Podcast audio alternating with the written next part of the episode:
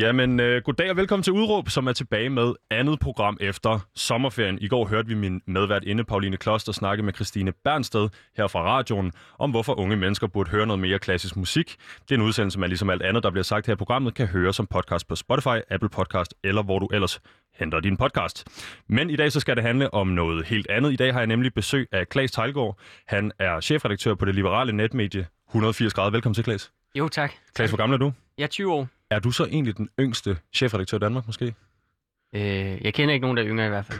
Vi stod lige og snakkede om en udsendelse. Der kunne være, der var nogen på Ultranyt eller et eller andet over Ja. på DR's uh, segmenter. Men i udgangspunktet, lad os holde fast i den Danmarks yngste chefredaktør uh, på det her uh, liberale netmedie, uh, 180 grader. Så tager jeg den på min kappe. Ja, men det skal du have lov til. På den her side af pulten, der står jeg. Mit navn er Vitus Robak, og jeg er vært den næste times tid. Udråb er Danmarks eneste ungdomsradioprogram, øh, der giver en gæst en time til at folde sin holdning ud, og det gør vi for at kunne komme rundt i alle krogene og blotlægge alle nuancerne. Vi er modstykket til halvanden minuts interviewet på aftennyhederne, vi er detaljernes vogter, og vi er nysgerrighedens disciple. Som sagt har jeg Klaas Tejlgaard med mig i studiet, og hen over den næste time skal vi runde en masse forskellige emner, Klaas. Vi skal snakke om tildækningsforbuddet, også kendt som burkaforbuddet. Vi skal snakke om øh, kvindesynet inden for islam. Vi skal snakke om den frie debat og meget, meget mere. Øh, men Klaas, til at starte med, hvad er dit udråb? Mit udråb er i virkeligheden, at øh, vi skal afskaffe burkaforbuddet, men jeg tror, at min årsager til, hvorfor vi skal gøre det, er noget anderledes end, end mange andre, som siger det samme. Øh, og det skal der nok blive øh, masser af tid til at snakke om. Jeg vil godt lige høre dig her til at starte med. Øh, er det burkaen, der er vigtig for dig øh, i, i, i, den her, øh, i den her debat, eller øh, er burkaen et symbol for noget andet? Burkaen er jo mere et symbol for noget andet, ikke? Og, og altså, burka er jo symbol for et, et afskyeligt øh, menneskesyn, som har udgangspunkt i en eller anden øh, fortolkning af øh, den hellige koran. Øh, og, og, og derudover, så kan man sige, at den debat, der er om burkaen og burkaforbuddet, det handler jo også om meget andet end altså bare et forbud mod en beklædningsgenstand, som 50 eller 100 kvinder i Danmark går rundt med. Om de så gør det frivilligt eller ej, det skal jeg ikke kloge mig på nødvendigvis i alle tilfælde. Men det er jo fordi, det er en værdidebat, ikke? Altså, så på den ene side, så kan man sige, det er jo fuldstændig åndssvagt, at øh, de sidste, hvad fanden ved jeg, øh, over, det er jo mere end 10 år, man har diskuteret burka og sådan noget, at, at, at det skal fylde så meget i forhold til, hvor relativt lille et problem det er. Men det er jo fordi, det igen, det bliver sådan en værdikamp, og der kan jo være mange af de her ting, som, som man kan synes er sådan lidt åndssvagt at skulle bruge så meget tid på, men det er jo sådan en meget god målestok for, for sådan, altså, hvor er du rent værdimæssigt, ikke? Jo, og øh, du har skrevet det her øh, debatindlæg, som så i dit tilfælde er en leder, da du er chefredaktør på øh, mediet. Øh, og i det debatindlæg, som hedder Afskaf burkaforbud, der skriver du, burkaforbuddet er ikke andet end en doven faliderklæring i kampen mod islamismen. Hvad mener du med det? Jamen, jeg mener egentlig bare det, at øh, altså, jeg synes, kampen mod islamisme er enormt vigtig. Øh, og islamisme er jo ligesom den her idé om, at islam skal have indflydelse på samfundet, og at du, øh, hvad kan man sige, i, i, hvis du går ind for islamisk teokrati, øh, så vil du jo have en, altså, hvor islam er viklet ind i staten og viklet ind i politik, og at du ligesom får et islamisk teokrati, og det kan vi jo bare Og kigge øh, Klaas, vi skal lige huske, øh, den yngste del af målgruppesegmentet er jo 15 år til teokrati. Vil du lige øh, pensle det ud for mig, lytter? Det er bare øh, en, en styreform, hvor religionen bestemmer alting. Så hvor lovene er lavet på baggrund af religionen, og hvis du nu for eksempel kigger på Saudi-Arabien, så er øh, det et teokrati. Og det betyder jo så, at, at når du skal finde ud af, når, hvad er ulovligt, så kigger du i Koranen.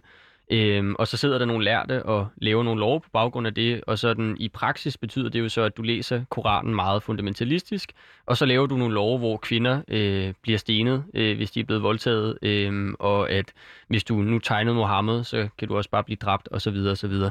Så der kan være enormt mange problemer med det, og det som der i virkeligheden er mit, øh, sådan, min anke mod burkaforbuddet, og grunden til, at jeg siger, at det sådan er en doven erklæring i kampen mod islamisme, det er egentlig bare mere fordi, altså den her kamp er enormt vigtig, og hvis vi ikke gør noget ved islamismen, så kan den godt komme til at vinde mere og mere frem. Også fordi, at du ser, at øh, altså, islamister er jo for helvede villige til at begå terrorangreb. Der er jo ikke nogen demokrater, der kunne finde på at tage ned til... jo, så der er så måske alligevel nogle demokrater, der har lyst til at bombe for at øh, skabe demokrati i Mellemøsten. Det har jeg ikke lyst til. Og det, som der er jo problemet, det er, at du så ser islamister bruge nogle meget, meget øh, voldsomme øh, metoder til at vinde frem. Og der er spørgsmålet så, hvordan forsvarer vi os mod islamismen? Og gør vi så det ved at lave et forbud, der hedder, at du ikke må gå med burka, og du så straffer folk, der går rundt med en burka? Øhm, eller gør man det ved at tage en idékamp? Og der synes jeg i virkeligheden, at sådan, burkaforbuddet kan også være lidt sådan udtryk for, at i Danmark, der har man bare der, der, der, der er man blevet skræmt over den trussel, man har set fra øh, islamisme, og for nogle folk er det jo bare islam mere generelt, fordi der bliver det sådan mere generelt religionskrig.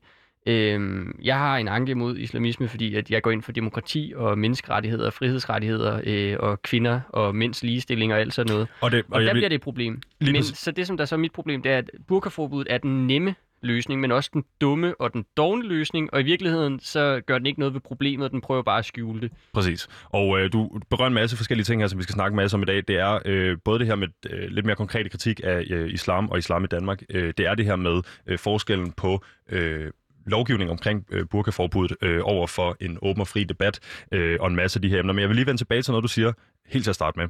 Øh, det er, at du siger, at øh, nu er det øh, godt og vel øh, to år siden, at det her burkaforbud kom på banen, og der har været masser af forskellige reaktioner på det. Jeg vil godt lige spille et lille klip for dig, øh, for dig hedder det. Det er, hvad hedder han, øh, den gode Kim Malmberg Hansen, som er formand for DF i Holbæks. Øh, det er et klip, der kommer fra hans øh, private øh, TikTok-profil, efterfølgende lagt ud på YouTube. Det kommer her. Hej. Det er en festdag i dag. I dag det er nemlig to år siden burkaforbuddet trådte i kraft.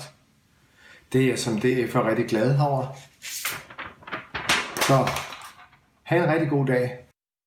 Klaas, øh, er det en festdag? Nu er det godt nok lige to dage siden, men er det en festdag i dag? Øh, nej, overhovedet ikke. Altså, jeg tror, jeg skrev i min leder der, øh, at, at for mange, øh, du så også DF lavede nogle, altså på deres øh, sådan partiets Facebook-side, ikke bare på Kjell Malmbergs øh, TikTok, altså de lavede sådan nogle opslag med, at øh, nu skal vi fejre, det var to år siden, at burkaforbuddet blev indført, og jeg synes faktisk, det, det på sin vis var en trist dag, ikke? Altså, fordi for mig er det ikke en mærkesag, du skal fejre, som om det er et jubilæum. Øh, burkaforbuddet, som jo så øh, har det officielle navn tildækningsforbuddet, øh, eller maskeringsforbuddet. Øh, altså det, det, det er jo i virkeligheden en, sådan et lille skridt på en, en længere rejse mod øh, sådan et Danmark, hvor du sådan diskriminerer mere og mere på baggrund af, af religion. Øh, og der kommer, altså du kan kigge over de sidste mange år, der har været mange love, hvor du sådan har lavet små symbolske love, som har prøvet at skulle inddæmme islamismens mm-hmm øh, fremvækst, eller hvad man skal kalde det. Øhm, og, og der har, der burkaforbuddet så været et af dem. Men, men, men problemet var så, gudskelov, da man lavede burkaforbuddet, det kan man sige, på den måde kunne det være en god ting øh, nogle gange at have grundloven, selvom den er lidt forældet, at du vil jo gerne have lavet et forbud mod burkaer, fordi at du gerne vil diskriminere muslimer og sige, lige præcis muslimske kvinder må i hvert fald på papiret ikke gå med øh, i, i det tøj, de ønsker alle andre må godt, ikke? Øh, men, men så er der en bestemmelse i grundloven, der gør, at det kan du ikke. Og så var du nødt til at sådan skjule det lidt og kalde det et tildækningsforbud. Men jeg synes, og der, det var en der, tror jeg, der tror jeg, vi skal have en, en ting med her, som nemlig at du siger, øh, når man laver øh, burkaforbud, så er det for at gå ind og diskriminere øh, kvinder, af, øh, der tilhører den muslimske tro. Øh, hvordan kan vi være sikre på det? Jamen, altså, det, du bare lytte til, hvad politikerne sagde. Altså, det var det, de sagde. De, de, vil, gerne, sige... de vil gerne have burka ud af Danmark. De siger, vi skal ikke have burka i Danmark. Hvad gør man ved noget, som du ikke vil have i Danmark? Du forbyder det. Og så er det rigtig ærgerligt for dem, at øh, grundloven har en i øvrigt ret dårlig øh, beskyttelse af menneskerettigheder, men en, som lige nåede så langt, at det kunne man faktisk ikke. Så derfor du lavet det til et tildækningsforbud.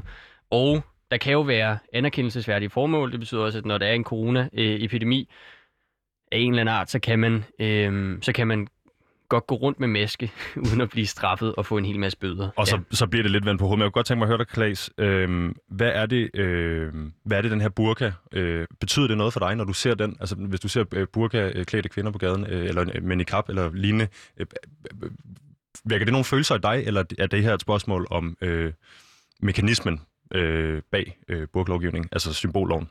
Altså, både over vil jeg sige, altså nu, jeg tror aldrig faktisk, jeg i, øh, i Danmark har set en kvinde bære hverken burka eller niqab. Niqab er jo sådan, hvor der lige er en sprække til øjnene, øh, og burka så, hvor der også er noget slør ned foran, så du ingenting kan se. Øh, og så har du så det mere almindelige muslimske slør, en hijab, øh, altså som jeg tror, de fleste folk har set og kender udmærket. Og det er der jo så også nogen, der vil forbyde, ikke? Øh, men, men altså, det som der er med mig, eller for mig, det er, at øh, rigtig tit, så er det sådan, at kvinder bliver tvunget til at gå i det her, og i muslimske lande, der er det i mange steder lovpligtigt, og hvis du ikke gør det, så bliver du straffet meget, meget hårdt og korporligt.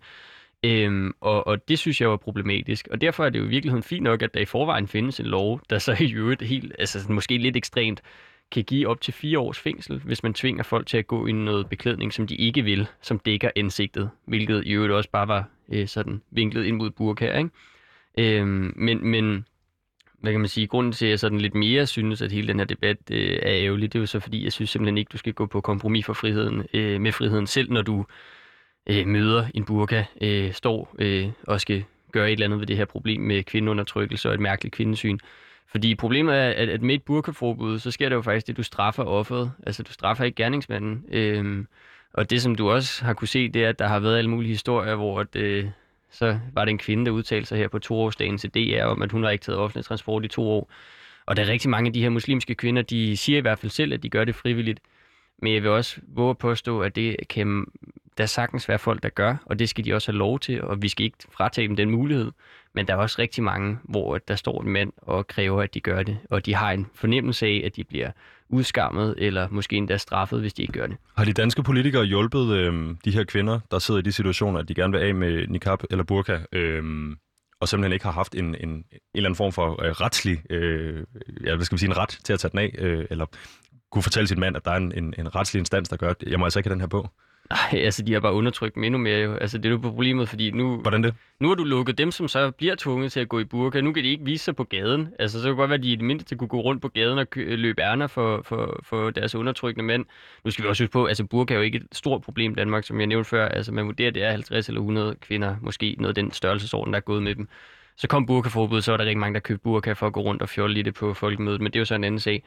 Øhm, men, men altså, du har bare undertrykt dem, givet dem dobbelt undertrykkelse, fordi nu er de så bare låst ind i deres lejligheder, og hvis de så går ud, så får de en bøde, og der er jo også alle mulige, som godt kunne finde på at lave en civil anholdelse på sådan noget, ikke?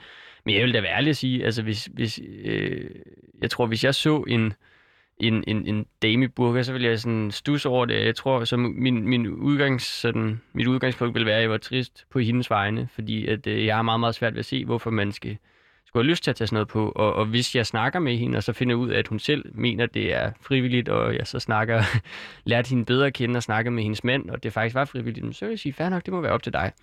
Men øh, jeg synes, det som du skulle have gjort i stedet for burkaforbud, det var, at du skulle have lavet nogle bedre sociale indsatser, eller et eller andet, altså have sagt, at så prøver vi at finde dem, som bliver tvunget til at gå med det. Ikke? Mm-hmm. Øh, jeg vil lige spørge dig om noget, Klaas. Er, er, er, er du troende eller på nogen måde involveret i det her øh, muslimske miljø? Har du en, jeg øh... tror, jeg er meget, meget langt fra at være involveret i noget som helst religiøst miljø, øh, så langt som jeg kan komme. Jeg er ateist, og jeg er også antiteist. Altså ikke forstået på en måde, at jeg vil bekæmpe og forbyde religion, men bare mere, at jeg mener, at religion ikke er til det gode, men faktisk sådan overordnet set til det onde. Hvad er det så, du, øhm. hvad er det, hvad er det, du tænker, øh, du bringer til den her debat, som, øh, altså, du står øh, uden for øh, det her miljø og er øh, et sted mellem øh, ateist og antiteist. Ja. Nej, men altså, jeg er begge dele. Begge dele. Øh, ja. Hvad, hvad, hvad er det, du tænker, øh, hvad er det, vi skal høre fra dig, som, øh, som ligesom bringer noget nyt ind i den her debat? Jamen, det der problemet med det her, og alle sådan nogle debatter her, det er, at det bliver sådan en religionskrig, så du har nogle kristne, der er sure på muslimerne, og så har du nogle muslimer, der er sure på de kristne, og så står de og skændes, og hvis de kunne få magt, som de fuldstændig havde agt, så ville de egentlig bare helst have, at de to religioner, de slet ikke skulle gå og sig op og ned af hinanden. Sådan ville der være mange, der havde det. Øhm, I hvert fald, hvis du sådan kigger på, hvordan er debatten, og hvad er det for nogle politikere, og hvad de siger. Så det, som jeg tror, der er meget fint, øhm, en, at sådan nogen som mig, der ikke er religiøse, at vi blander os i debatten, der tror jeg, det er meget fint, vi gør det, fordi at vi står uden for den her religionskrig. Altså, vi altså, du er upartisk? Ikke, ja, altså ikke upartisk, selvfølgelig er jeg ikke det. Øhm, men, men altså, jeg er ikke en del af den konflikt der. Jeg er ikke på det ene eller det andet hold. Jeg står sådan uden for religionskonflikten, og så kan jeg se det som sådan lidt mere principielt spørgsmål at sige, Nå, men der kan godt være nogle problemer på den ene side med burkaer. Altså det symbol, som burkaen er, altså der er jo en grund til, at det kun er kvinder, der skal gå med burka og ikke mændene. Det er jo fordi, at i nogle fortolkninger af islam, der er kvinder bare mindre værd end mænd, og de skal også behandles sådan. De skal behandles som andenrangsmennesker, og det er jo afskyeligt. På den anden side kan jeg så også godt sige, at bare fordi det er afskyeligt, og at der er rigtig mange danskere, der ikke kan lide burkaer, og det som det er udtryk for, så skal vi ikke forbyde det, fordi vi har stadig noget, der hedder religionsfrihed. Øh, og vi har, altså man kan sige, i virkeligheden er øh, burkaforbuddet jo også et problem i forhold til ytringsfriheden, fordi en burka og iklæde sig en beklædningsgenstand, det er det, man kan kalde en reel ytring. Altså, det er jo ikke noget, du siger, men det er jo ligesom, hvis det bliver forbudt for dig at gå med en t-shirt, hvor der stod SF eller enhedslisten eller et eller andet på. Øh, det vil jo også være et problem, ikke? Jo.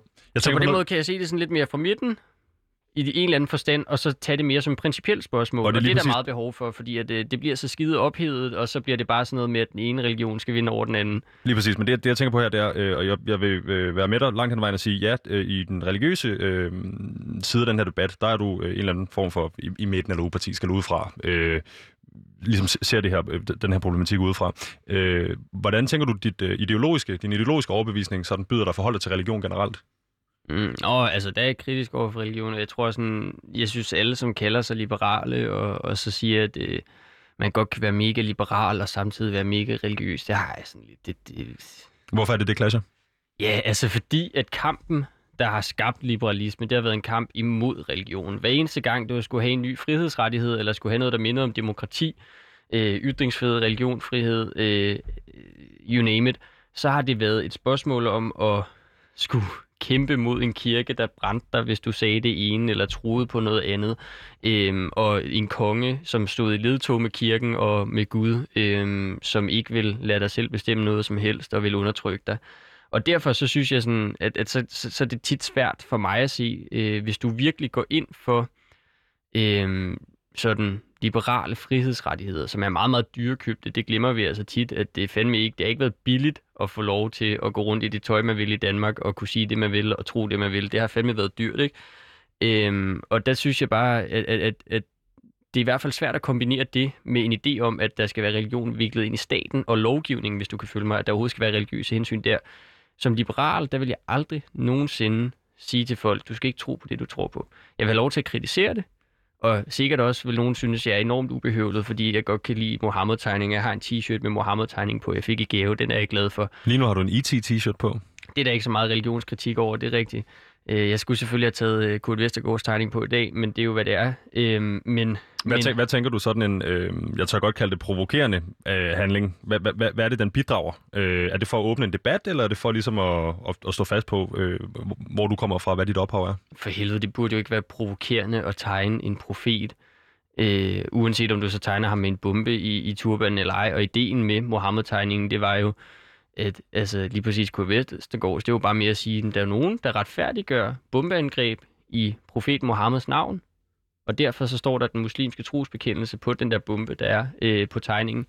Øh, og det er jo faktisk sådan i virkeligheden at sige, at han bliver taget som gissel af nogle terrorister. Det kan jo være en fin fortolkning. Så kan vi, der er nogen, der bare læser det på en anden måde og siger, at det handler om, at alle muslimer er terrorister. Eller mm. noget, men det ved alle jo godt, at det passer ikke. Nej, jeg tænker, hvis vi øh, inden vi hopper videre, det burde ikke engang være provokerende. Kan Nej, du følge mig? 100 procent. Men øh, man kan sige, jeg vil lade det være op til dem, der bliver provokeret, og, og, og vurdere det. Jeg vil ikke blive provokeret af det. Jeg tilhører heller ikke den øh, religion. Jeg vil tænke, inden vi hopper videre øh, og snakker lidt mere om det her med islam og Danmark osv., så, øh, så vil jeg godt være lidt fræk at sige, øh, det burde ikke være provokerende at gøre opmærksom på, at der er øh, religioner, hvor man øh, bomber i Mohammeds navn. Øh, i, i, i, I den, nu er det jo ikke en religion, du tilhører, men en politisk overbevisning, du tilhører, der tager man øh, millionervis af gisler øh, i fattigdom i for eksempel et land som USA, og folk kan ikke bevæge sig ud af et eller andet. Er der, er der, er der, er der noget i det? Altså, tager man gisler i fattigdom i USA? Jeg den tænk, skal du, den, der skal, tror jeg lige, du tager okay, mig. Ja, jeg tror også, jeg tænker selvfølgelig, hvis vi står for en liberal her, så skal vi have styr på, øh, på, på argumenterne. Jeg siger, øh,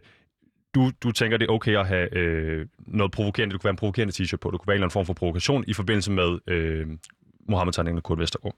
Øh, din overbevisning er, at øh, det er okay for at sætte, øh, sætte noget fokus på det, start debatten. Nej, det er egentlig bare mere, fordi at dem, som siger, at du ikke må lave en Mohammed-tegning, eller ikke må have en t-shirt med dem, de øh, har en idé om, at alle folk, som også dem som mig, som ikke tror på nogen som helst religion, og slet ikke deres, at de skal underkaste sig deres religiøse dogmer, også når de bare går rundt derhjemme, også når de skriver i deres egen avis, eller når de slår noget op på deres egen Facebook-side. Og det kan man ikke øh, sådan kræve, og det er der ikke nogen, der skal acceptere at blive udsat for. Nej, præcis. Og så siger jeg så, hvis jeg så måtte være fræk og sige, øh, nogen vil finde det, du sagde, enormt provokerende, det er jeg ikke i tvivl om. Hvis jeg så siger, nu tager jeg min øh, venstreorienterede hat på og siger, øh, øh, alle er tvunget ind under øh, den kapitalistiske øh, styreform eller dagsorden. Mm. Øh, mm. Er, er, det, er det så også noget, der ligesom er hvad skal man sige, går det, går det, på, kant, går det på kant med dig, eller øh, er, er du hævet over det, fordi det ikke er et religiøst spørgsmål, eller ikke er noget, der ligesom øh, går ind og, og, og, har noget at gøre med din hverdag som sådan? Jeg kan i hvert fald love for, at jeg ikke vil lave et bombeangreb på baggrund af sådan en kasket der. Det er Nej, helt Øhm, og jo, altså, det, jeg synes, det er sådan nogle ting der, der er for eksempel et godt eksempel meget, der kører i USA, det er også begyndt at være lidt i Danmark, sådan nogle slogans som Eat the Rich, eller Kill the Rich, øh, og sådan nogle hashtags, der bliver brugt meget på Facebook, eller på Twitter, Øhm, og jo, altså jeg, jeg tænker bare, kæft, det er dumt det der. Og så kan du gå i gang med en debat med dem og sige, hvorfor opfordrer du til at slå alle rige mennesker ihjel? Øh, hvorfor synes du, det er i orden? Øhm, men det er ikke noget, som sådan... Altså, som jeg på den måde ser et problem med, at du skal have lov til at komme med de mest vanvittige ytringer og lave de mest vanvittige tegninger, øh, som man vil. Og så kan du tage en debat på baggrund af det. Øhm, så jeg, jeg tror, jeg ved ikke engang, om jeg på den måde bliver provokeret over sådan nogle ting der. Altså hvis, når du for eksempel siger... Men jeg kunne se på dig, da jeg fik det formuleret dårligt til at starte, USA men der blev du en, en anelse provokeret, Nej. fordi jeg, jeg, det virkede på mig som om... Jeg synes bare, det lød dumt. Jeg ja, skulle ja, bare forstå, præcis. hvad det er, altså, du vi, mener. At vi lige holder liberalismen med kapitalismen, og derved øh, Nå, nej, ekstrem fattigdom, eller Nej, i hvert fald stor det bare mellem mere, fattig. øh, altså sådan, du ved, det er det samme med det der Eat the Rich øh, Ja, lige præcis. slogan. Jeg synes bare, det, det, det, der er nogle sådan argumentatoriske fejl, eller hvad fanden man skal kalde det i det, ikke? Altså, du kan ikke sige, at du bliver holdt som gissel, så det var bare derfor, jeg vil ikke mene, at jeg bliver provokeret af det. Jeg tror, hvis folk sådan sagde til mig personligt, Klaas, du er skyld i, at øh, hvad ved jeg, 100 millioner øh, amerikanere, de lever og har det helvede til. Det er din personlige skyld, Klaas. Så tror jeg, jeg vil blive, jeg ved ikke, om jeg vil blive provokeret, men jeg vil i hvert fald tænke, okay, kæft mand, nu skal du lige have svar på tiltale, ikke? Øh, og nu skal det ikke handle om kapitalismen. Jeg lover dig, at vi godt kan invitere dig tilbage øh, på et eller andet tidspunkt og, og tage den snak. Jeg er jo Øh. faktisk ikke engang sådan, jeg, jamen det, det er jo det, der er sjovt, jeg er jo liberal, men jeg er jo meget sådan princip- og værdiorienteret. Altså, jeg, selvfølgelig går jeg så op i økonomi og sådan noget, men, men for mig er det meget princip og værdier, og folk tror tit, man er materialistisk, når man er liberalist også. Det er jeg overhovedet ikke. Nej, men det er øh, øh, sådan øh, dit eget regelsæt, som du har skabt det. Nej, det er bare sådan helt almindelige oplysningsidealer. Dine idealer? Ja. Okay, så øh, hvor, hvor tænker du for, undskyld, øh, for lytterens skyld, øh, hvor tænker du, hvor tænker du din forskel på dine sådan, øh, altså de her øh, øh, principper du har, som du, øh, som ikke nødvendigvis skal være materialistisk bare fordi du er øh, liberal øh, og så videre. Hvor- Hvordan, hvordan tænker du man kan sammenligne sådan et slags, øh, øh, skal lade være med at kalde det regelsæt, men en overbevisning eller en, Ja. en, en tilgang til livet eller en tilgang til politik. Hvordan vil du sammenligne det med sådan lidt mere religiøse dogmer? Øh, hvor, Forskellen er, forskellen er, at det, som jeg gerne vil, jeg vil lave så neutral en platform som overhovedet muligt, hvor folk har så lige muligheder og friheder til at gøre præcis, hvad de vil. Og det vil jeg gøre, og det er sådan mit principielle udgangspunkt og mit verdenssyn, øh, og det, som jeg godt kunne ønske mig også sådan rent politisk skete. Det, som der så er med religiøse dogmer, det er, at der vil de fremme deres egen sag på bekostning af andres. Og sådan er det altid det øjeblik, du blander religion ind i det. Og det er derfor, jeg har et problem med både burkaforbuddet og det, som sådan burka ind i sig selv. Ikke? Okay. Jamen, øh, Klaas, øh, inden vi hopper videre, så vil jeg lige fortælle øh, lytteren, der skulle være tændt efter timestart derude, at øh, du lytter til Udråb på Radio Loud med mig. I studiet i dag har jeg Klaas øh, Tejlgaard. Mit navn er Vitus Robak, og vi snakker øh, alt godt om... Øh, øh, hvad hedder det, øh, Klaas' debatindlæg, øh, eller leder, øh, afskaf øh, burkaforbuddet. For det var nemlig øh, toårsjubilæumet øh, her i foregårs øh, den 2. august, for det her burkaforbud. Øh, og Klaas, vi kan jo lige øh, fortælle lytteren, jeg tror, der blev lavet en opgørelse på DR her, der fortalte, at der var uddelt 60 bøder på en toårig periode. På en periode. Tror du, det her går ind og øh, spiller en vital rolle øh, ude i øh, de islamistiske øh, grupperinger, øh, der måske øh, er eller ikke er i Danmark? Øh, ja, ja, altså fordi jeg tror helt klart, det sender et budskab til dem. Altså det er jo, det er jo meget sådan symbolsk lovgivning, og, og det er jo ikke fordi, øh, der er helt sikkert, øh, det kunne man også høre på nogle få historier, der har været fremme i medierne, altså der er nogle af de kvinder, som så går med burka, tør ikke komme så meget ud, som de gjorde før, fordi de er bange for at få en bøde. Men jeg tror mest af alt, så, så sender det jo et budskab til de islamistiske kreds, der er i Danmark, de fundamentalistiske muslimske kreds, der er, øh, at at burka ikke er noget, som er tilladt i Danmark. Og der øh, kunne jeg jo så hellere tænke mig, at det var sådan noget, hvor man fik sendt via øh, sådan en åben debat, fik sendt et budskab om, at i Danmark, der er vi faktisk bedre end burkaen, og det er vi, fordi at vi synes, det er fedt, at også kvinder selv kan bestemme, hvad de går rundt i. Og hvis de så vil gå i en burka, så må de fandme bare gøre det. Så skal det i hvert fald ikke være forbudt. Øh, så jeg tror helt klart, det har sendt et, et, et, et, et kraftigt signal til de her kredse, øh, hvor burka nogle gange er en ting, men, øh, men altså, jeg tror også mere, det har, har skabt større kløfter, end det har løst nogen som helst problemer. Mm-hmm. I din leder, der skriver du, øh, kamp mod islamisme bør være en idékamp, og øh, det lover jeg dig, det skal vi nok vende tilbage til. Jeg kan også allerede mærke, at der er en lille øh, en rød tråd her gennem programmet, nemlig det her med åben og fri debat. Øh, noget du, øh, det virker som om, det er vigtigt for dig her. Du Det skriver, går mest op i hele verden. det Ja, men lige præcis. Ja. Øh, kamp mod islamisme bør være en idékamp og en fri, øh, undskyld, i en fri og åben øh, arena. Lige nu er det desværre en kamp, hvor vi mangler ryggraden til at angribe islamismens idégrundlag. Og derfor kunne jeg godt tænke mig øh, at bruge en lille smule tid på at snakke om det her med islamismens øh, idégrundlag. Øh, du var lidt inde på det tidligere selv. Vi skældner selvfølgelig mellem øh, muslimer og islamister øh, i den her udsendelse. Det er du og jeg er fuldstændig indforstået med, mm. hvis lytteren skulle være i tvivl om det derude. Det er, øh, der er et soleklart øh, skæld mellem de to øh, måder at tilgå øh, den øh, islamistiske tro. Det hedder det. Mus- Det muslimske tro. muslimske tro på, Det er selvfølgelig. bare ligesom kristendommen, der kan du både være, altså der findes også, øh, gudskelov ikke så mange, men der findes jo også folk, som laver kristne terrorangreb, og der findes også kristne ekstremister. Altså enhver religion kan jo bruges og misbruges, ikke? Altså, Jo, men det er derfor, jeg tænker, hvorfor er det, vi skal, øh, som du skriver her, angribe islamismens øh, idégrundlag? Øh, hvorfor det? Jamen, det er jo bare mere fordi, at enten så kan du forestille dig, at hvis du nu har, øh, og nu skal man passe på at snakke ukrudt og islam i, i samme sætninger, det fik Pernille Vermund slag for. Men hvis vi nu alligevel tager den analogi, fordi det er meget oplagt. Altså hvis du nu forestiller dig, at du har en have med en masse ukrudt, så kan du gøre det, du kan blive ved med måske at prøve at sige, nu river vi lige den her plante op og smider den. Hvis det er folk, der går med burka, så giver vi dig en bøde, og vi forbyder burka. Så laver du sådan en symbolbehandling, men du får ikke rigtig gjort noget ved det egentlige problem, hvis du kan følge mig. Mhm. Og dermed ikke sagt, at islam som religion er ukrudt. Øh, jeg synes måske, islamisme øh, er ukrudt i et demokrati, øh, men den måde, man skal bekæmpe det på, det er jo selvfølgelig med, med altså sådan en idékamp, ikke? Og det, som det i virkeligheden bare handler om for mig, det er, når du så laver sådan noget symptombehandling, altså lige går hen og hiver et lille stykke ukrudt op et eller andet sted, og laver et burkaforbud, øhm, jamen så har du ikke engang hævet udkrudtet op, du har bare prøvet, du har bare sådan malet det hen over det, eller gjort, så du ikke rigtig bliver Altså, du, du er ikke stået på problemet mere, hvis du kan følge mig. Ikke? Altså, du får ikke gjort noget ved det. Du får egentlig ikke taget øh, den kamp, som du skal, og det er jo i virkeligheden bare at få Men... overbevist alle, som er i nærheden af at tro på, at islamisme er vejen frem. Så bare fortæl dem, der findes et bedre alternativ. Og jeg kan love dig for... Men er det, dig, er det dig, der ved det? Er det, er det, er det øh, din øh, virkelighed, eller din sandhed, eller er det en øh, universel øh, sandhed? Altså, jeg gider ikke engang det der kulturrelativisme til det punkt, hvor man siger, at islamisme og demokrati er nogenlunde lige gode. Altså, det er sådan, at jeg tror, hvis du spørger hver eneste menneske, hvad vil du helst? Have friheden til at leve, som du vil, eller leve i tyranni, hvor der sidder nogen med en religiøs doktrin og overvåger øh, hver eneste skridt, du tager for at se, om du bryder en eller anden åndssvag gammel regel, som måske ikke engang står i Koranen, men som Ayatollah Khomeini bare har fundet på. Øh, og så i øvrigt, så hvis du overtræder det, så bliver du dræbt, og din familie bliver måske også dræbt, hvis du er uheldig. Ikke? Altså, det er der jo ikke nogen, der gider. Øh, og det er ikke rare vilkår for et menneske at leve under. Altså, fordi det er undertrykkelse, det er frygt, det er overvågning, det er kontrol, og det er ufrihed. Og jeg tror, alle mennesker, sådan, sådan bare helt fra naturens side, vil have så meget frihed som overhovedet muligt. Mm. Øhm, og, og, og derfor så tænker jeg, og det er det, du kan se, hvis du kigger gennem historien, altså som udgangspunkt, så mindre der kommer nogle magthavere, der kan undertrykke demokratiet, så vinder demokratiet frem. Og jeg tror, at selv i sådan, nu er det ikke engang, det er jo så ikke et islamistisk øh, diktatur, det er et kommunistisk diktatur, ikke? men jeg tror selv i Kina, der kommer du til at se på et tidspunkt, at der skal øh, demokratiet nok vinde frem, fordi det er simpelthen det, som befolkningen altid gerne vil have, det som folket gerne vil have. Der er et tidspunkt, hvor det bliver så træt af de der tyranniske magthavere, at der sker et eller andet. Jeg tror bare, problemet er tit, at man så tror, at man tager sådan demokratiet lidt for givet, ikke?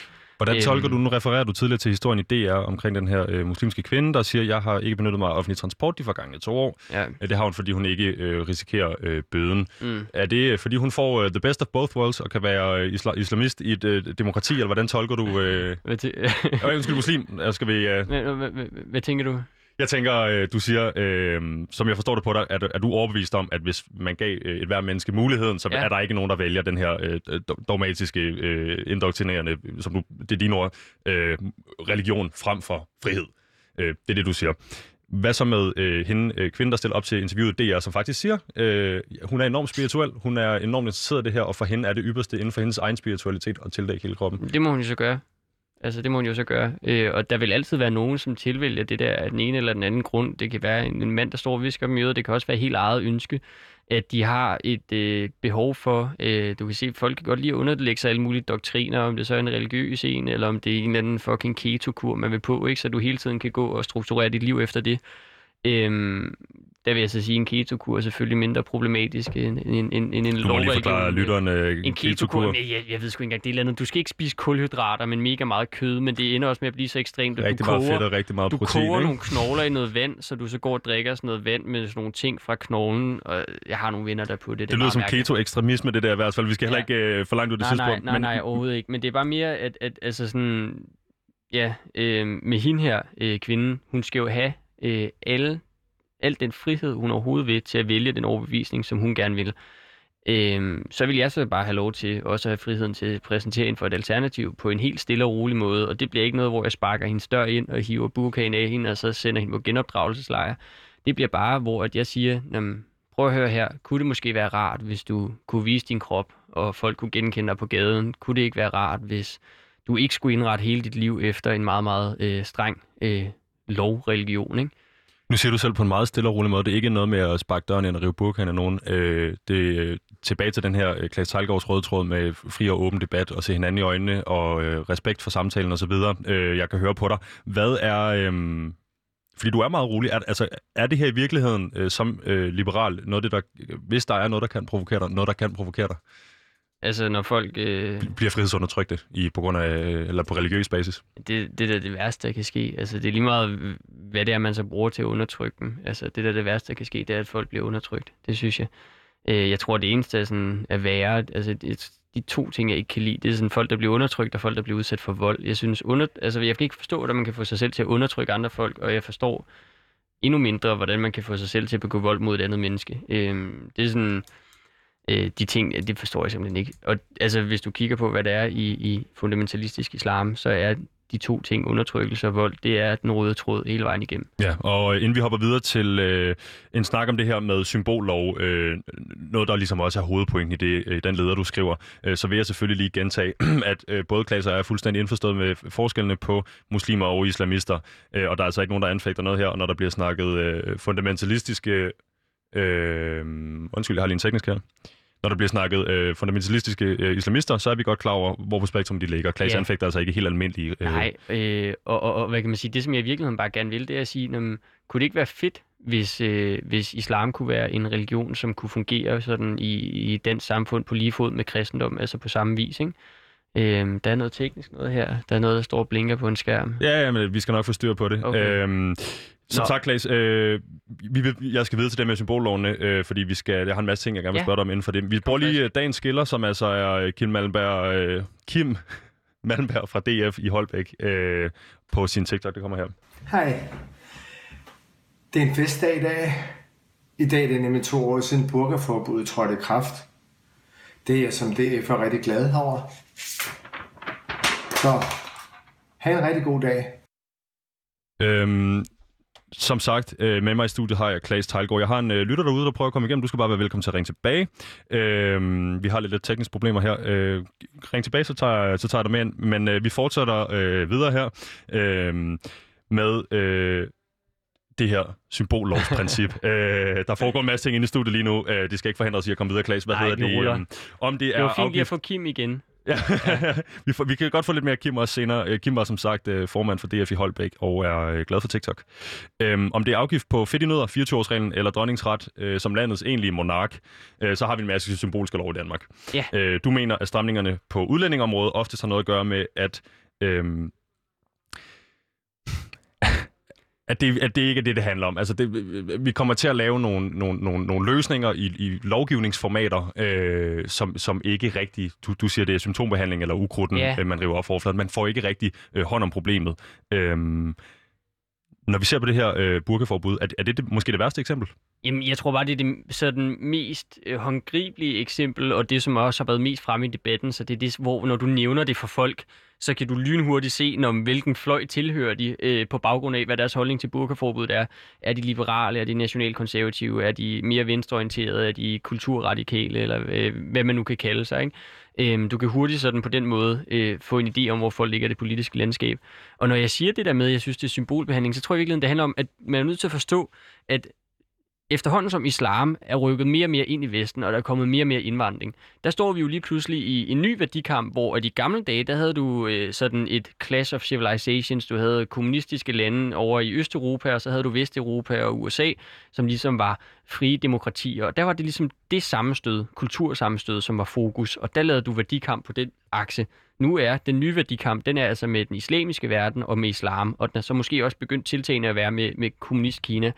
Øhm, men, men når du så laver de her symboler, så er det jo en måde at sige, "Nå, så prøver vi at kæmpe værdikampen ved ligesom at signalere, sætte fod ned og sige, der fandme burka, det er ikke i Danmark, det er udansk, så må fandme tage til Mellemøsten og gå rundt med den burka, ikke? Øhm, og det der er jo problem for mig, det er i virkeligheden, at jeg, jeg synes, det er sådan meget, øh, sådan, det er en meget doven måde at gøre det på. Altså, fordi i virkeligheden, så det, som du burde gøre, og det, som der virkede under den kolde krig i øvrigt, altså, det, det er jo ikke... Øh, altså sådan, det, som der virker, det er ligesom at sige, jamen, så tør vi at stå fast på vores egne værdier, og så sige, at de gælder også for dem, som vi faktisk ligger i en værdikonflikt med, at de skal nyde godt af de samme værdier, eller den samme frihed og de samme rettigheder som os. Og så tager vi den der værdidebat i stedet. Og, og der er det bare meget, meget nemmere at være politiker, og så kunne lave et forbud, og du ser det, altså Socialdemokratiet laver forbud mod det ene og det andet og det tredje. Det er den nemmeste måde at signalere en holdning på, men det er også en meget, meget dårlig og uambitiøs måde, og du får ikke gjort noget ved problemet, fordi det, det handler om, at du skal fortælle folk, at vestlig kultur, det er faktisk bedre. Og det må vi gerne stå fast på. Men det skal du så også fortælle folk. Du skal jo ikke så bruge elementer fra noget, der virkelig ikke minder om et vestligt demokrati, øh, til så at slå dem i hovedet og hvis, prøve at overbevise dem på den måde. Og hvis påstanden er, at vestlige værdier er øh, øh, bedre... Øh, det vil jeg mene en selvindlysende sandhed. For mig er det en fuldstændig selvindlysende sandhed, Klaas, men øh, nu er vi jo også en del af den vestlige verden og nyder godt af de her værdier og, og, og får dem alt, hvad de kan klare. Ikke? Øh, det, jeg tænker på, er om... Øh, er det i virkeligheden er det i virkeligheden at give op og indføre de her lovgivninger, de her symbollov? Fordi ja. det betyder jo, at du ikke kan overbevise folk om at ændre på deres øh, måder at opføre ja. sig på, ja. på anden vis. men det er netop, det er det der er mit store problem med det, øh, og det er hver gang jeg taler med, med folk fra Dansk Folkeparti, eller Nye Borgerlige, Konservative, Venstre også, og der kan også være folk fra øh, Liberal Alliance, hvor jeg har været med tidligere, øh, hvor jeg så faktisk blev ekskluderet, fordi at, øh, jeg kritiserede deres udlændingepolitik for meget, blandt andet på sådan nogle øh, ting som burkaforbud og grænsekontrol osv., Altså, det er... Altså, at, du var ikke bl- blokpolitisk nok? Øh, nå, men jeg blev bare smidt ud, fordi jeg ikke kritiserede ledelsen. Jeg tror, jeg var pisse irriterende ungdomspolitiker Sådan er det. Øh, men, men, øh, men altså sådan... For at vende tilbage til det andet der, så tror jeg i virkeligheden, det handler om, at du giver op allerede, inden du er begyndt, fordi at du er bange for, at de andre kommer til at vinde den der værdikamp. Og jeg har bare svært ved at se, hvorfor fanden du skal være bange for, at Hizbut Tahrir får overbevist den danske befolkning om, at øh, Danmark skal selvfølgelig være et kalifat. Det tror jeg simpelthen ikke kommer til at ske. Og jo, hvis man så tænker, at øh, om der er jo nogen, der, øh, altså sådan, hvis man kigger på den demografiske udvikling, så kommer der selvfølgelig flere og flere muslimer relativt i forhold til Danmark, og de får flere børn, øh, muslimer, så når en bred kamp, end, end så den kristne dansker gør, og derfor så er der nogen, som mener, at med den demografiske udvikling, så ender vi et kalifat, og det er bare end of story, det kommer vi til. Men jeg har bare svært ved at se, hvordan fanden man tror, at Hizbut og andre folk, øh, Hizbut er sådan et politisk parti, sådan en organisation, som arbejder i hele verden, og også har filialer i en eller anden grund i Danmark, hvor de virkelig ikke har særlig meget gang på jord. Øh, og de vil i virkeligheden bare gerne lave øh, Iran eller Saudi-Arabien i Danmark. De vil bare gerne lave he- hele verden om til et stort kalifat. Det er sådan det, som de godt kunne tænke sig. Øh, hvor alle skulle gå rundt i burka, alle kvinder, og det skulle bare være ved lov og så videre. Øh, men jeg har bare svært ved at se, hvorfor det er, at man ikke tør tage den der debat, fordi jeg har helt ærligt svært ved at se, hvordan du overhovedet kan komme i nærheden af, af at tabe den. Tror du, de danske politikere er bange for, at øh, demokratiet ikke består, hvis man ligesom tager den debat? Ja, det tror jeg, øh, og det forstår jeg simpelthen ikke. Altså, jeg tror, det er fordi, at de føler, at de, øh, de er bange, og de er svage måske også. Måske har de ikke øh, læst godt nok op på deres filosofi eller idéhistorie. Jeg forstår det ikke. Øh, enten det, eller også er det simpelthen bare fordi, at, øh, at, at, at det er nemmere med et forbud. Altså, det sender et mere klart signal. Det er jo meget bøvlet for mig at skulle så at sige, jeg er i øvrigt imod burka, og kunne godt tænke mig, at uh, du ikke så nogen i gadebilledet i Danmark. Øhm, Men du vil gerne have afskaffet lovgivningen. Ja, Men må jeg så ikke præsentere dig for noget, jeg lige har fundet på, der hedder Klaas Tejlgaard Paradoxet, som er, øh, du ønsker en mere fri og åben debat på det her område. Øh, nu bliver de her symbollovgivninger så indført, og det skaber så faktisk den situation, at du og jeg nu står i landsdækkende radio og har den her debat. Du får ja. lov at ytre dine pointer. Øh, kan symbollovgivningerne øh, lovgivningerne nogle gange være med til at skabe en nødvendig debat, eller er det en, øh, en, en fejlslutning? Jo, men altså, de kan sagtens skabe en debat. Det er jo klart, det skaber en debat, øh, når du går ind og griber ind i folks liv på den der måde. Øhm, men, men det kan ikke retfærdiggøre symbollovgivningen, at du skal starte en debat med det. Altså, det er sådan, og, og der er ikke, du kan ikke retfærdiggøre og tage folks frihed fra dem for at starte en eller anden debat, som du føler er vigtig. Øh, det synes jeg ikke er i orden. Øh, så jo, selvfølgelig kan de afføde noget debat, og det er også kun godt. Hvis burkaforbud ikke affødte noget debat, så havde vi haft et alvorligt problem. Ikke? Mm-hmm. Og så hvis man kigger tilbage på øh, de endeløse debatter, øh, kronikker, debat, øh, debatindlæg og alt muligt, der var om 24-årsreglen, dengang den blev indført, ja. den er altså ikke blevet, øh, hvad skal vi sige, den er ikke ude igen. Nej, øh, den er ikke afskaffet. Den er ikke afskaffet nu, og det vil sige, øh, nok debat var der, og man fik sikkert snakket om det, men den, lovgivningen består altså. Ja, men det er også mere det, der er med et, et, et lovgivningssamfund som Danmark, det er, at når der er en tendens til, at det øjeblik, du spotter et problem, så er automatreaktionen, vi laver en lov, som forbyder det, så slipper vi for det. Øh, og du kan ikke tænke længere end det, sådan rent politisk i Danmark. Altså, du, det, det er derfor, at den danske lovmængde bliver ved med at vokse, og hvis du bare tog dagpengelovgivningen, så er det jo 20.000 sider, ikke? Også der var nogen, der lavede en demonstration, hvor de gik rundt i København og bare rullede en, en, en, en, en rulle papir, der var lige så sådan lang som de der 20.000 sider, eller 30.000 sider, eller hvad den er vokset til. Øhm, og det der problemet er, når du først laver en lov, så er reglen bare, at den bliver. Også selvom det var meningen, det skulle være midlertidigt. Øh, og et helt sådan, øh, hvad kan man sige, øh, et, et, eksempel, der ligger uden for den her debat om islam, det er jo for eksempel sådan noget med coronalovgivning. Solnedgangsklausulerne. Solnedgangsklausulerne, der har været på øh, sundhedsministerens øh, Vil du magt. fortælle min lytter hurtigt, hvad en solnedgangsklausul er, Ja, øh, solnedgangsklausul, det er for eksempel, da Danmark lukkede ned her for at øh, begrænse coronasmitten, så lavede man øh, nogle hastelove, sådan nogle, som man virkelig du ved, fik hurtigt igennem i Folketinget, som gav Magnus Heunicke og alle mulige andre, der på et tidspunkt skulle blive sundhedsminister, øh, øh, helt vildt meget magt. Altså så meget, at han kan pege på en butik og sige, nu lukker du, og han kan pege på øh, faktisk alt privat ejendom i Danmark og ekspropriere det, hvis det skal bruges i kamp mod corona. Så han kan pege på, hvad ved jeg, hvis I nu en eller anden grund inde på Radio Loud havde stockpilet øh, enormt mange masker, og så gik coronasmitten amok, så kunne han komme og sige, dem tager vi. Ja. Det er statens ejendom nu. Så han kan en hel masse ting. Han kan tvangsvaccinere, tvangsisolere, tvangsindlægge danskere. Og det er ham alene, der kan gøre det, uden han bliver åndet nakken og kontrolleret af Folketinget og nogle andre. Og ideen var så, når du indfører det, meget vidtgående lovgivning, den bliver afskaffet inden for et år. Der, det sker derfor hedder det en solnedgangsklausul. Præcis. Tanken er, at vi, vi tager den væk igen, når, når, når der ikke er noget behov for den. Præcis. Øh, men du kan allerede høre nu, her, både ham og alle mulige andre socialdemokrater, de er ude og sige, det var faktisk en fin idé, hvis den blev. Bare det er er altså- just in case. Og det vil jeg så sige for, øh, for lytterne lige med her, det er ikke, som øh, Klaas taler om i andre tilfælde, som for eksempel 24-årsreglen eller med burkaforbuddet, en, en lovgivning, der er kommet uden intention om at skulle fjerne den igen. Det her det er rent faktisk lovgivninger, hvor man går ind og skriver øh, den her klausul ind i lovgivningen til at starte med, der hedder, vi har tænkt os at fjerne den igen, og alligevel kan det blive svært at komme Ja, med men dem. det er også bare meget nemmere at indføre lovgivning, end det er at fjerne den, også sådan rent politisk. Ikke? Lige præcis. Men Klaas, Øhm. er, er alle symbollov nytteløse? Ja, det synes jeg jo, de er. Altså sådan, i hvert fald over en bred kamp. Det kan godt være, at, at, at hvis du virkelig skal udvende symbollovgivningsbegrebet, så kan du vel sige, at grundloven er også en symbollov, eller der er sikkert nogen, der kan finde på et eller andet åndssvagt argument der. Men altså 24-årsreglen er jo også øh, dum, fordi ideen var jo, at du gerne vil øh, igen i kultursammenstødet med islam forhindre, at der kommer øh, sådan, nu er det jo meget op med barnebrud på grund Mhm. af Inger Støjberg og hendes øh, sag og den kommission, der er der. Øhm, men at du gerne vil forhindre den slags. Du vil gerne forhindre de her barneægteskaber, hvor nogen er blevet tvunget til at blive gift med en gammel mand. Det er det. Klaas, øh, har du mod på en lytter? Ja, kom. Helt sikkert. Jeg har øh, Rosalina Hundal med her øh, på telefon 1. Rosalina, kan du høre mig? Ja, hej. Hej, jeg tror, du går igennem studiet. Øh, Rosalina, hvad vil du øh, spørge Klaas om? Jamen, altså, jeg har det bare sådan lidt, jeg synes, det er ret underligt, at, øh, at det lige er Klaas, hej Klaas, som er inviteret ind i studiet. Jeg synes, at det er øh, lidt øh, mystisk, at, øh, at han udtaler sig om de her ting. Jeg føler ikke rigtig, at han kommer fra et, øh, et standpunkt, som egentlig har nok, hvad skal man sige, erfaring eller viden om det her måske. Det godt være, det er meget, at han har masser af teoretisk viden, men øh, jeg synes hellere, at vi skal høre fra nogle øh, muslimer, eller øh, i det mindste bare måske nogle kvinder, som Okay. har ligesom et mere øh, tæt forhold til Og- med de her. Rosalina, øh, det lyder jo umiddelbart mere som en kritik af mig som øh, medansvarlig på redaktionen her, end det gør Mm. Nej, Klaas det lyder mere som en kritik af min øh, overbevisning, mit verdenssyn og mit køn. Jamen, jeg tror, jeg vil starte med at lade, øh, lade, lade Klaas svare. Hvis du er okay med det, Rosalina, så kan jeg Ja. øh, forklare, hvorfor jeg har inviteret Klaas ind bagefter, hvis det Meget- overhovedet, øh, meget hvis der overhovedet bliver tid til det. Klaas, hvad tænker du, du, Jeg du vil hører her? starte med at sige, at det, som Rosalina ringer ind og siger her, fair nok, du har det standpunkt, det skal du have lov til. Men det der, det er en glidebane, og det er døden for alt, der hedder fri debat, fordi selvfølgelig må alle folk blande sig i debatten om burkaforbud og islam, også selvom de ikke selv er muslimer, eller ikke selv er kvinder, der har gået burka.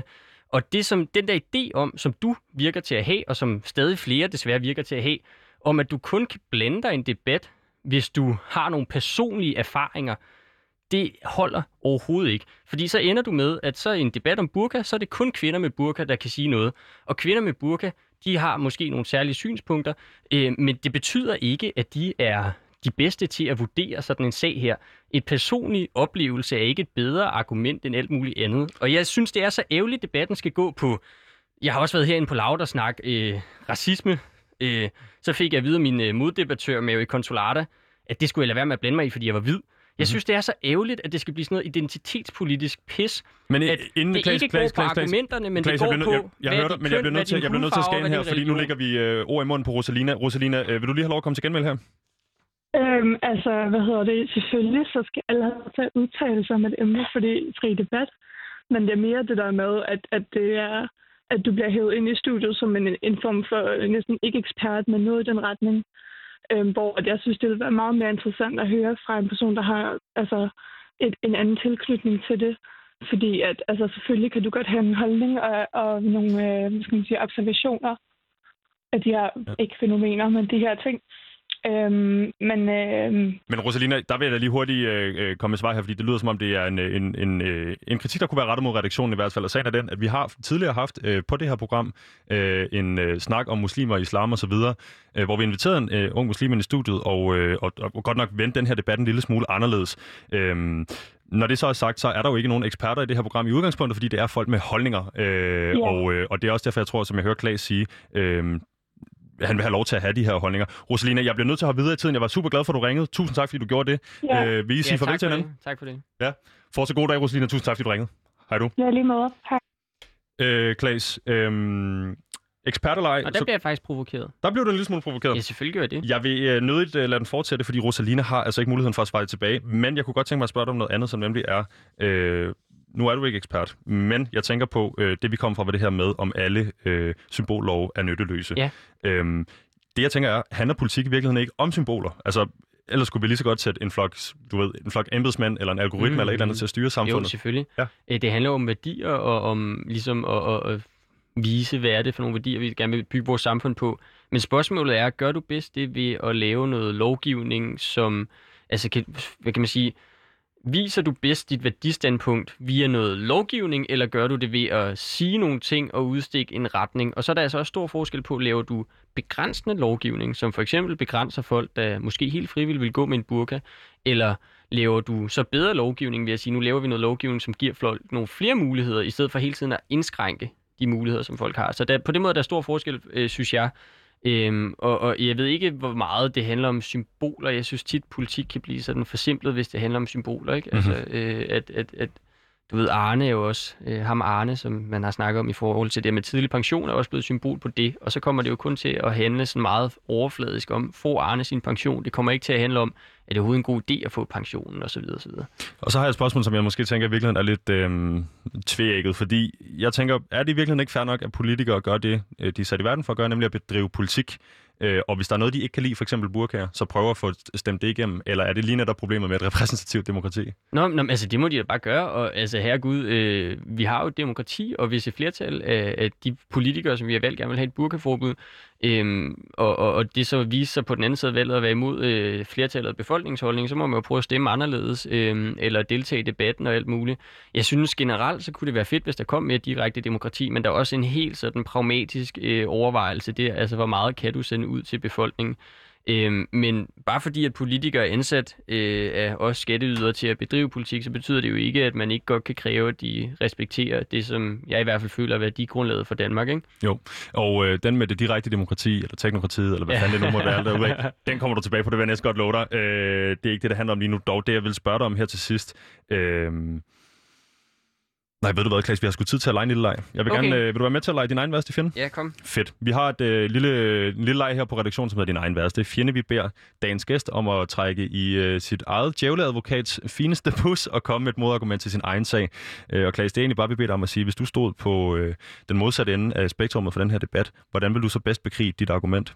Jamen, det kommer an på, om man, øh, ligesom Rosalina, der ringede ind, det kunne være sådan noget, som hun sagde, jamen, Klaas, du er ikke selv en kvinde i burka, så hvordan kan du udtale om det her? Eller er, dit, er, er vi så lige så interesseret i at høre det, som du siger? Har det lige så meget vægt i debatten, fordi du ikke selv har nogen identitetsmarkører, der gør, at du på den måde er personligt koblet op på den. Det kunne være den ene, Mhm. mm-hmm. øh, så den værste fjende. Den har vi lige taget.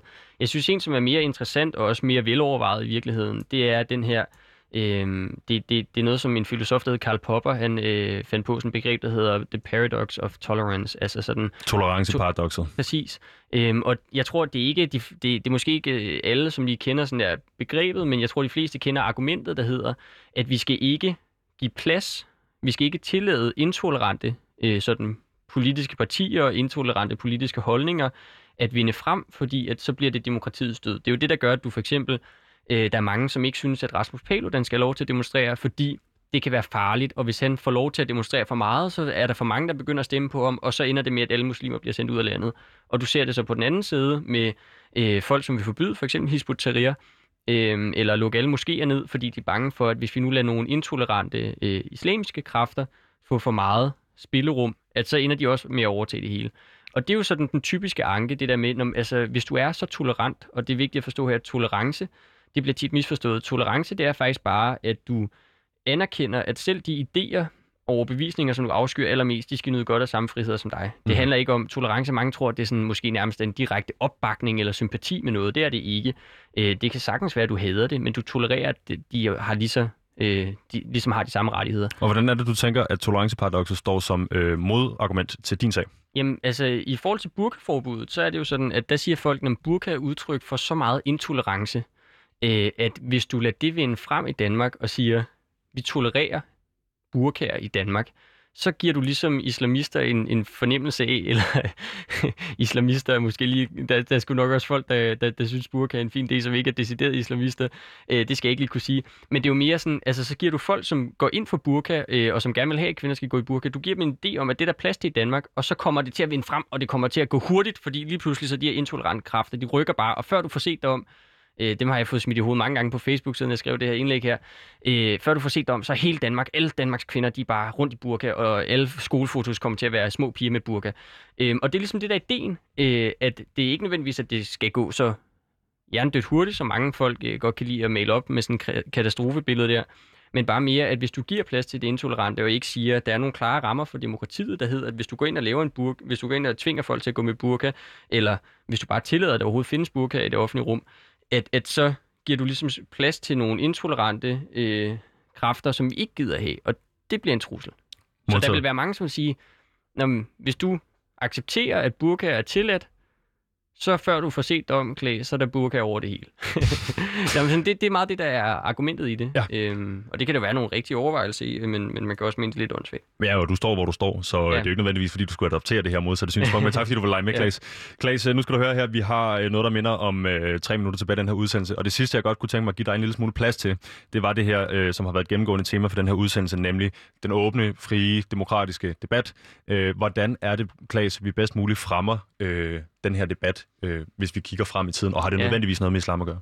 Øh, jamen, jeg tror, det har meget med islam at gøre, fordi meget, meget der, hvor sådan, hvad kan man sige, grænserne for, hvad det er, man føler, man må sige, øh, det ligger tit i den der debat omkring islam. Ikke? Altså, du både har nogen, som vil begrænse, øh, hvad imamer må sige i moskeen, og så er der nogen, som der vil begrænse, hvad islamkritikere af mere eller mindre seriøs karakter må, må sige og skrive. Øhm, og den måde, som du sikrer en, en fri debat på, øh, og det mener jeg jo også klart, at den, er den allerbedste debat, du overhovedet kan have, det er bare at sige, at du laver ikke nogen lov, der begrænser ytringsfriheden. Du laver ikke nogen lov, der gør, at du som medie kan blive straffet, hvis du har bragt et læsebrev som et eller andet. Altså, du skal sørge for, at der ikke er noget lovgivning, der ligger bånd på ytringsfriheden overhovedet. Og når vi så er der, så har du ligesom sat rammerne for at have sådan en debatkultur, der hedder, der er faktisk ikke nogen grænser for, hvad du må sige. Man må være så skide uenig med det, som man overhovedet vil, men du skal ikke straffes for dine ytringer. Og når du så først har lavet det sådan øh, hvad kan man sige, den Safe ramme, space. Ja. Ja, nej, nej, altså den ramme for debatten, så tror jeg også, du vil nemmere kunne tage et opgør og sige, men der er jo begyndt at være det her cancel culture, der begynder at komme meget frem. Altså, hvis du siger noget forkert, så hvis du nu havde sagt noget uheldigt i dag, kunne det være, at der var nogen på Twitter, der synes, du skulle fyres. Der skal nok være nogen, der mener, at jeg har sagt et eller andet, der var forkert i dag, men lad os ja, se. Ja, nej, men det er mere det, at jeg tror, hvis du først siger, at vi fjerner de der lovgivningsmæssige begrænsninger, der er på ytringsfriheden og på den frie debat, så tror jeg, det bliver nemmere at overbevise folk om, at vi skal have en fri debat, og også have en fri debatkultur, hvor der ikke er cancel culture, hvor at jeg ikke får at vide, at ja, min, min argument er ikke så meget værd, fordi at øh, jeg er en hvid mand eller et eller andet. Øh, det tror jeg vil kunne gøre rigtig meget. Ja, så øhm, Klaas... Øh, Fjern alle begrænsninger på ytringsfrihed. Klaas Talgaards guide til øh, bedre åben, fri demokratisk debat. Fjern begrænsningerne simpelthen. Ja. Øh, Klaas, vi nåede omkring en masse ting i dag. Vi nåede omkring øh, det her med den konkrete øh, sådan kritik af islam i dine øjne, og øh, som jeg også hørte fremføre argumentet bagefter, det skal du have ret til at sige, ifølge dig. Øh, vi øh, nåede at skelne mellem øh, islam og øh, islamister og muslimer øh, nok til, at jeg føler mig tryg til, at vi kan øh, kalde det en fyr op, når vi er færdige her lige om lidt. Øh, og så snakker vi selvfølgelig en masse om øh, symbollov, øh, om hvorvidt de er håbløse og nytteløse, øh, eller ej. Øh, til sidst fik vi også lige Klaas' øh, bud på, øh, hvordan man styrker den frie, demokratiske, øh, åbne øh, debat. Det gør man ved at fjerne begrænsningerne. Er det rigtigt forstået, Klaas? Yep. Så vil jeg sige tusind, tusind tak, fordi du kom i dag og var med en hel time. Øh, for lytteren, ja, men for, for, den, øh, for den ivrige lytter har jeg også hørt Klaas i timen fra inden, hvor han var inde og diskutere et andet religiøst. Øh, det er altså en mand, der skal ud og have en kop kaffe og måske en, øh, en frisk øh, tår luft, skulle jeg til at sige nu. Øh, om ikke andet, tusind tak, fordi du kom, Klaas. Ja, jeg vågnede med klokken 4, klokken 4 morges med tømmermænd. Så, det så er det sgu godt gået, du. øh, dagens program var produceret af Rackerpark uh, Productions. Dagens uh, to producer hedder Pauline Kloster og Maja Ulriksen. Programmet hedder Udråb. Udråb. Mit navn er Vitus Robak, og hvis du sidder derude med et udråb øh, eller en holdning, du vil dele med os, så skriv ind til udråb radioloud.dk